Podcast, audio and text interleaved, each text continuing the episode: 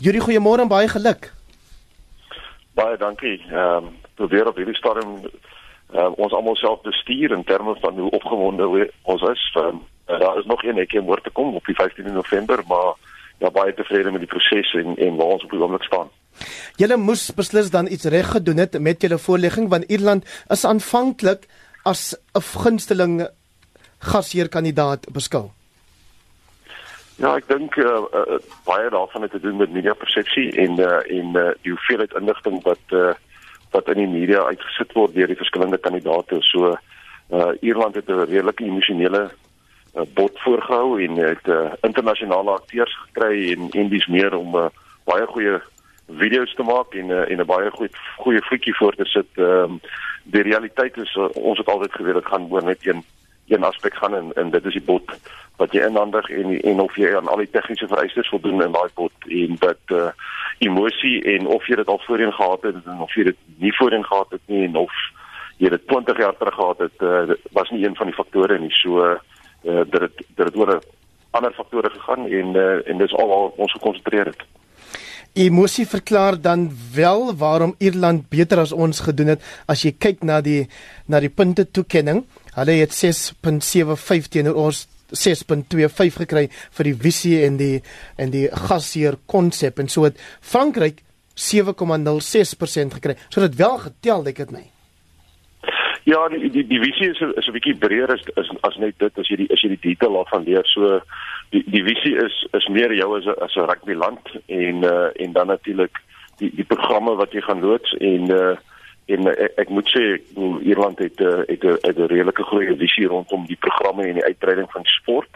En wat natuurlik verskriklik baie vir hulle vertel het rondom daai komponente is die feit dat dit 'n dat dit 'n totale Ierland uh, bot is. Dis nie net uh, dis nie net uh, Ierland hier, dis ook Noord-Ierland. En uh, daar's daar's 'n klomp sinergie en harmonie daarin. En ek dink in die in die tye wanneer ons almal leef op die oomblik en uh, en uh, die redelike die swartgalligheid hier wat daar is en uh, is is dit altyd uh, so hoop en so 'n bietjie van 'n ligstraal vir almal en ek dink hulle het die voordeel daarvan gekry. Nou hierdie gisteraand het ek die president van SA Rugby Mark Alexander op SAFM gehoor en ek het ook julle kommersiële bestuurder Cholo Kobeka op 7 702 gehoor. Albei het baie klem gelê op die regering se steun vir hierdie bod en dit is fantasties. Maar moes julle enigsins in julle boddokumente oor die politieke en misdaad situasie in ons land verduidelik en wat het julle gesê? Wel die die daar's 'n redelike groot komponent rondom ehm um, sekuriteit en politieke politieke stabiliteit. Ehm um, die die finale telling daarvan uh, is redelik laag. Maar veral oor sekuriteit ehm um, in die land is daar is daar 'n en ons het 'n ons het 'n internasionale sekuriteitsmaatskappy uh sowel as die Suid-Afrikaanse sekuriteitsmaatskappy gekry om 'n sekuriteitsplan voor te berei. Dis 'n dis 'n baie lywige dokument, dis 'n baie detailed dokument uh voordeel getel het op hierdie stadium is is ehm um, die feit dat ons het 'n verskriklike goeie uh, rekord in terme van internasionale toernooie oor die afgelope 20 jaar. Het ons het die FIFA Wêreldbeker aangebied. Uh, ons bied elke elke jaar ses toetswedstryde in die land aan in 'n in 'n albesyd ek nie eers Bafana Bafana se wedstryde en al die ander internasionale uh, wedstryde wat in die land plaas in en ons ons bied al daai baie wedstryde aan sonder enige enige insident. Ehm um, daar was 'n redelike groot klem op terrorisme. Ehm um, Suid-Afrika is baie gelukkig in terme van terrorisme en uh en uh, Frankryk en Ierland minder ehm um, gelukkig en het in redelike onlangse uh, paar maande het hulle terrorisme uh, aanvalle gehad. So ehm um, dis 'n baie breër spektrum as as net jou dag tot dag.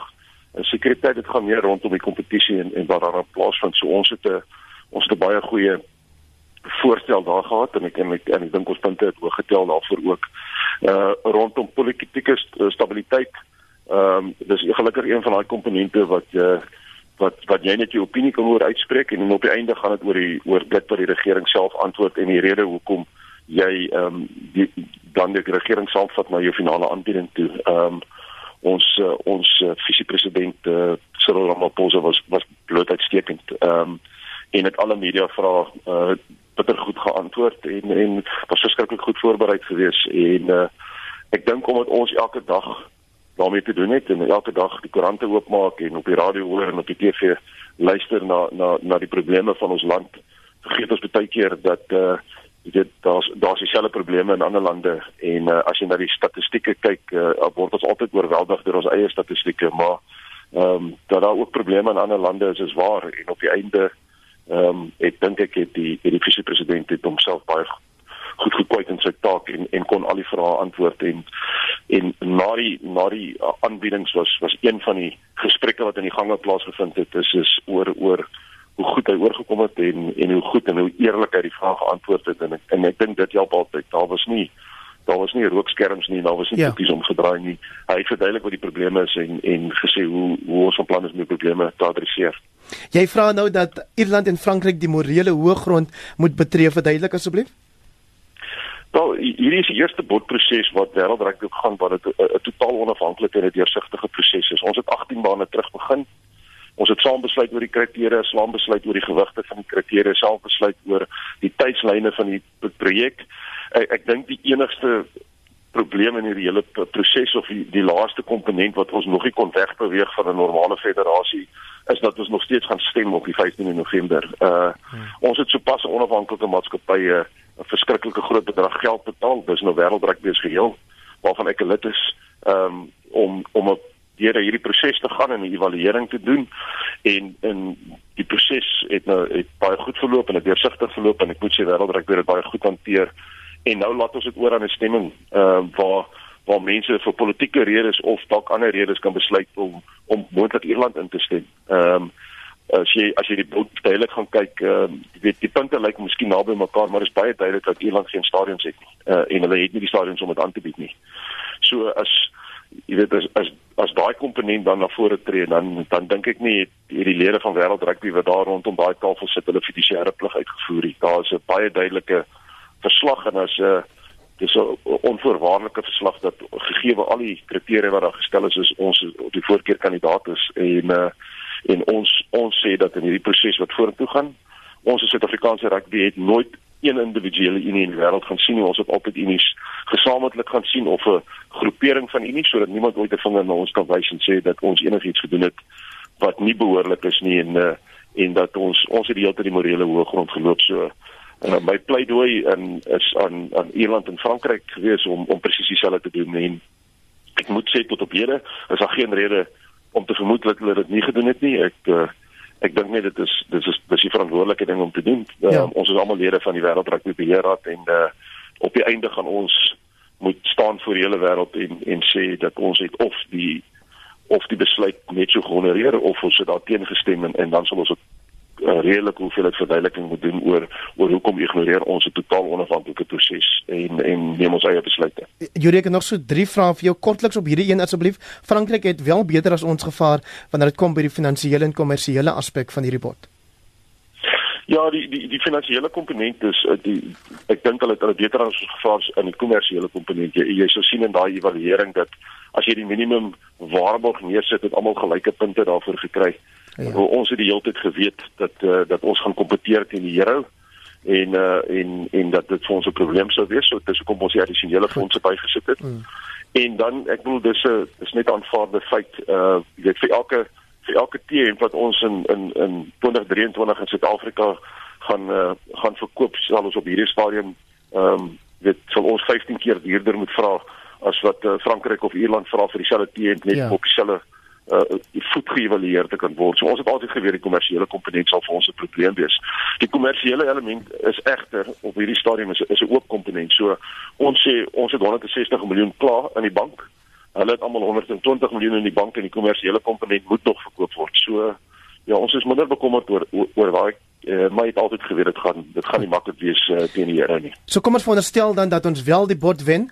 Hoe gaan die toewysing van wedstryde geskied? Is daar enige stadion of stad wat julle as 'n voorkeurstadion aangewys het of in gedagte het? Ja, ons was ons was baie spesifiek geweest het in ehm um, weet deel van hierdie proses wat wat vir my seker een van die lekkerste prosesse was waarvan ek deel was en en ek het dit al gesê voordat ons aangewys is as die voorkeurkandidaat is is die, al jou prosesse moet binne 'n 10% variansie wees van 2023. So jou begroting wat jy nou opgestel het mag nie meer as 10% verskil in 2023 en dan word jy gepenaliseer in die proses. Baie tyd en finansiëel gepenaliseer. So ons moet baie duidelik sê wat die stede. Ehm um, so ons het uh, ons hierdie stadium met ons ehm um, ses stadions geïdentifiseer as die hoofstadions. So Ehm um, ek dink die olifant in die in die kamer waarna almal verwys op hierdie stadium en wat almal altyd vra is is dit is Nieuweland in en is Kings Park in, in Durban en ehm um, en en Nieuweland en Kings Park is nie in nie. Uh albei daai stadions is is oud. Ehm um, ons is 6 jaar weg daarvan en uh, ons sit met uh splinter nuwe stadions wat in 2010 ge, uh, gebou is en en wat aan al die vereistes voldoen van beide FIFA en wêreldrugby so in terme van Durban en Kaapstad is dit die Kaapstad stadion en die Moses stadion en dan die Nelson Mandela stadion in in in Port Elizabeth, Bloemfontein stadion ehm um, en dan uh, natuurlik Ellis Park, die nasionale stadion Loftus Versveld ja. en dan 'n Modella stadion in Nelspruit uh, daai ons voorkeur stadions op hierdie stadium. Goed, 'n laaste vraag. Sit SA Rugby het 'n transformasie teken vir die Springbokspan van 50% wit, 30% swart en 20% bruin vir 2019 gestel. Is jy vol vertroue dat julle die teken gaan haal sodat ons teen 2023 'n volwaardig verteenwoordigende bokspan in die veld kan stoot?